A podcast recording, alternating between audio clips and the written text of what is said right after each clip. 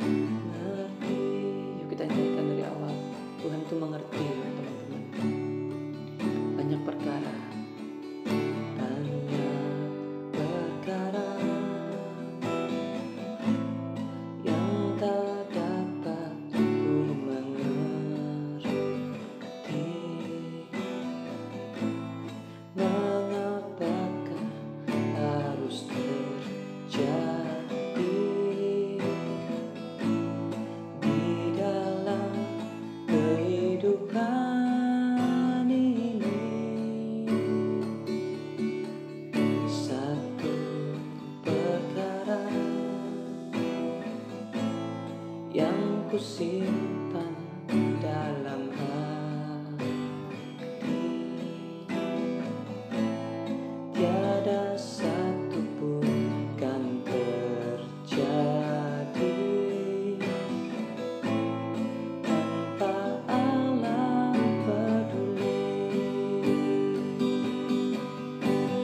Kita sama-sama nyanyikan Allah mengerti.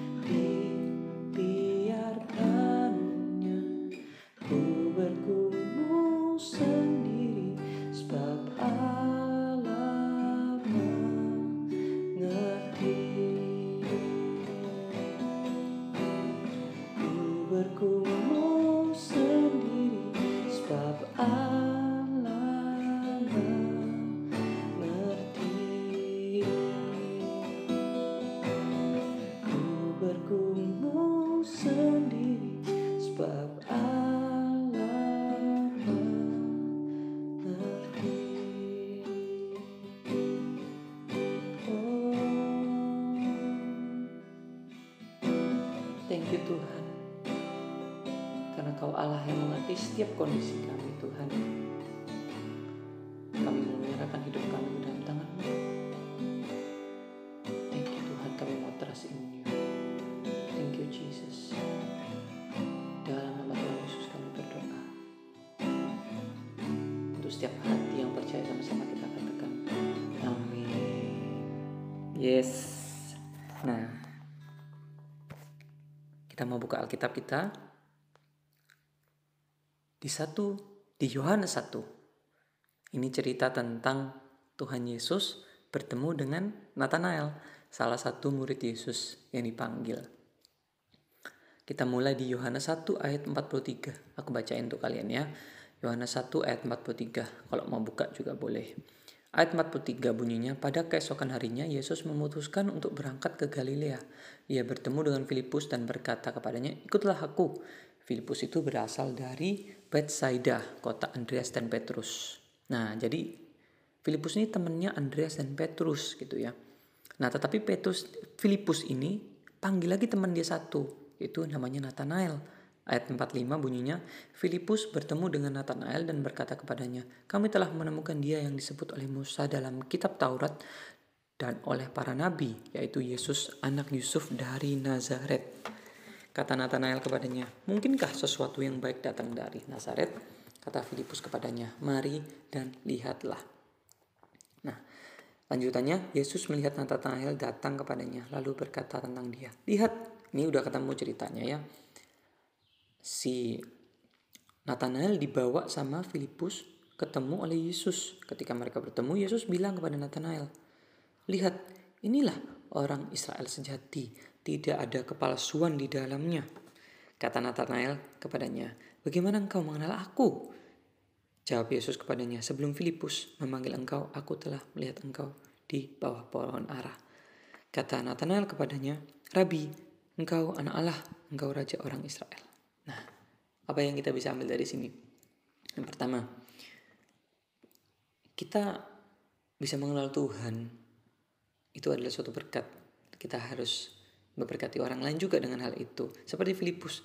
Kalau Nathanael nggak dipanggil oleh Filipus, mereka nggak tahu tentang Yesus. Si Nathanael nggak bisa ketemu Yesus, belum bisa ketemu Yesus. Nah, tetapi fokus kita hari ini bukan untuk menginjil itu ya, tetapi kita tempatkan diri kita seperti si Nathanael ini. Jadi ketika Nathanael ini dipanggil bertemu dengan Tuhan Yesus, Tuhan Yesus bilang, nah inilah Israel sejati tidak ada kepalsuan di dalamnya. Apa sih ini? Itu tuh seperti kalimat pengetahuan dari Tuhan Yesus tentang diri kita. Kayak contohnya, ini mungkin adalah sesuatu yang dari dulu Nathanael dikenal dengan seperti itu. Nathanael menganggap dirinya seperti itu. Ada ciri khas dari Nathanael yang Tuhan Yesus tahu, padahal tidak pernah kenal. Makanya Nathanael kaget. Loh, kok kamu kenal aku? Gitu kan. Mungkin kalau setiap kita itu punya julukan-julukan tertentu, masa kecil kita, kita tuh punya mimpi-mimpi tertentu, kita tuh percaya kita tuh orangnya seperti apa. Dan Tuhan Yesus bisa sebut itu. Hei kamu misalnya kan, hei kamu kasut kamu tuh orangnya gini. Terus aku akan kaget kata, oh kok Tuhan kenal aku ya gitu. Tapi yang menarik adalah Tuhan Yesus bilang, sebelum Filipus memanggil engkau, aku telah melihat engkau di bawah pohon ara. Pohon ara ini adalah untuk dia itu kejadian nyata, untuk kita adalah sebuah simbol. Kita cuman bisa mungkin membaca histori atau berimajinasi tentang apa yang sebenarnya terjadi di bawah pohon ara pohon ara itu menyimbolkan tentang tempat persembunyian kita. Bagi kita hari-hari ini mungkin bisa kamar kita, kamar doa, kamar mandi, mobil kita, tempat menyendiri kita. Di mana kita itu depresi di situ, di mana kita itu mencari Tuhan di situ, di mana kita itu bergumul tentang masalah pribadi kita di situ. Mungkin di bawah pohon ara ini Nathanael menangis Tuhan, kok hidupku seperti ini ya? Aku udah bela-belain loh berjuang untuk Allah Israel, untuk Engkau Tuhan. Kok semuanya seperti ini? Sama dengan kita. Mungkin kita menangis di dalam mobil kita, di dalam kamar mandi kita Tuhan. Aku tuh kita ikut Engkau taat pelayanan. Kok pekerjaanku seperti ini? Kok hidupku seperti ini? Kok ada penyakit di dalam keluargaku? Kok aku sakit dan lain-lain? Jadi pohon ara itu melambangkan hidup kita yang gagal, yang penuh dengan kelemahan gitu ya. Nah, tetapi dari sini kita tahu bahwa Tuhan berkata, sebelum Filipus memanggil engkau, aku telah melihat engkau di bawah, di bawah pohon ara. Lah berarti Tuhan Yesus ini bisa tahu Filipus waktu dia curhat di bawah pohon ara. Kalau itu bisa terjadi dengan Filipus, itu juga bisa terjadi dengan kita. Tuhan itu melihat ketika kita itu merenung. Tuhan itu melihat ketika kita itu menyerahkan hidup kita kepada Tuhan, berserah wes gak tahu kita tuh mau minta tolong sama siapa lagi, Tuhan. Mungkin kita di situ kita teriak Tuhan, Tuhan, kau lihat aku nggak? Tuhan, Tuhan, kau dengar aku nggak? Jawaban Tuhan, yes. Aku melihat kamu di bawah pohon ara. Aku sebelum temanmu telepon kamu, aku udah lihat kamu di bawah pohon ara. Sebelum temanmu telepon kamu, Aku udah melihat kamu di kamar mandimu, di mobilmu, di kamarmu berdoa. Thank you Tuhan. Itu jawaban Tuhan buat setiap kita. Bagi teman-teman yang sedang merasakan hal ini, percayalah Tuhan itu ngerti kok, Tuhan itu peduli kok. He is working on it. Tuhan itu nggak diam, Tuhan itu sedang melakukan sesuatu. Kita terus berusaha, terus mengendalikan dia, terus berdoa dan percayalah Jawaban Tuhan itu akan datang tepat pada waktunya asalkan kita mau beriman, asalkan kita mau percaya kepada Tuhan. Ya. Kita mengucap syukur ya buat Tuhan karena dia itu sangat-sangat teramat baik. Dia itu Bapak kita di surga gitu loh. Jadi kita mau serahkan minggu ini ke dalam tangan Tuhan Aku percaya everything will be okay, everything will be alright karena kita ada di bawah kuasa Tuhan karena Tuhan kita berkata roh yang ada di dalam kita itu lebih besar daripada segala roh yang ada di dunia ini. Dan kalau kita bergerak untuk kepentingan Tuhan, ya pasti Tuhan akan bela. Yuk aku mau doain buat setiap kita ya, buat teman-teman sekalian. Tuhan Yesus terima kasih buat hari Senin ini yang kau ciptakan untuk kami. Kau masih beri kami kesempatan Tuhan satu hari demi satu hari untuk kami masih bekerja, menikmati kehidupan kami, menikmati berkat yang kau berikan, bisa melayani engkau, melakukan banyak hal Tuhan. Kau lihat cita-cita di setiap kami, mungkin ada yang sudah padam, mungkin ada yang sudah menyerah, mungkin ada yang sudah gak kuat, mungkin ada yang mengalami pergumulan, ada yang menghadapi penyakit-penyakit, ada yang menghadapi kesusahan bisnis Tuhan Yesus. Kami mau berkatakan dengan iman kami tahu bahwa Engkau peduli kepada kami. Engkau tahu setiap masalah kami Tuhan. Kami hanya mau berserah sekali lagi dalam tanganmu. Kami tahu Kau bertindak Tuhan. Kau bertindak, Kau Allah yang bertindak. Kau senantiasa Tuhan membantu kami. Tuhan Yesus aku mungkin gak tahu apa yang harus kami semua ini lakukan Tuhan karena situasinya hopeless. Tapi kami tahu Tuhan kami punya Allah yang besar. Thank you Tuhan Yesus. Kami klaim dengan iman. Kami tangkap dengan iman Tuhan bahwa everything will be okay. Everything will be done. Everything will be beautiful in its time. Karena kau yang bekerja buat kami. Terima kasih Tuhan. Kami serahkan semuanya ke dalam tanganmu. Di dalam nama Tuhan Yesus kami berdoa. Amin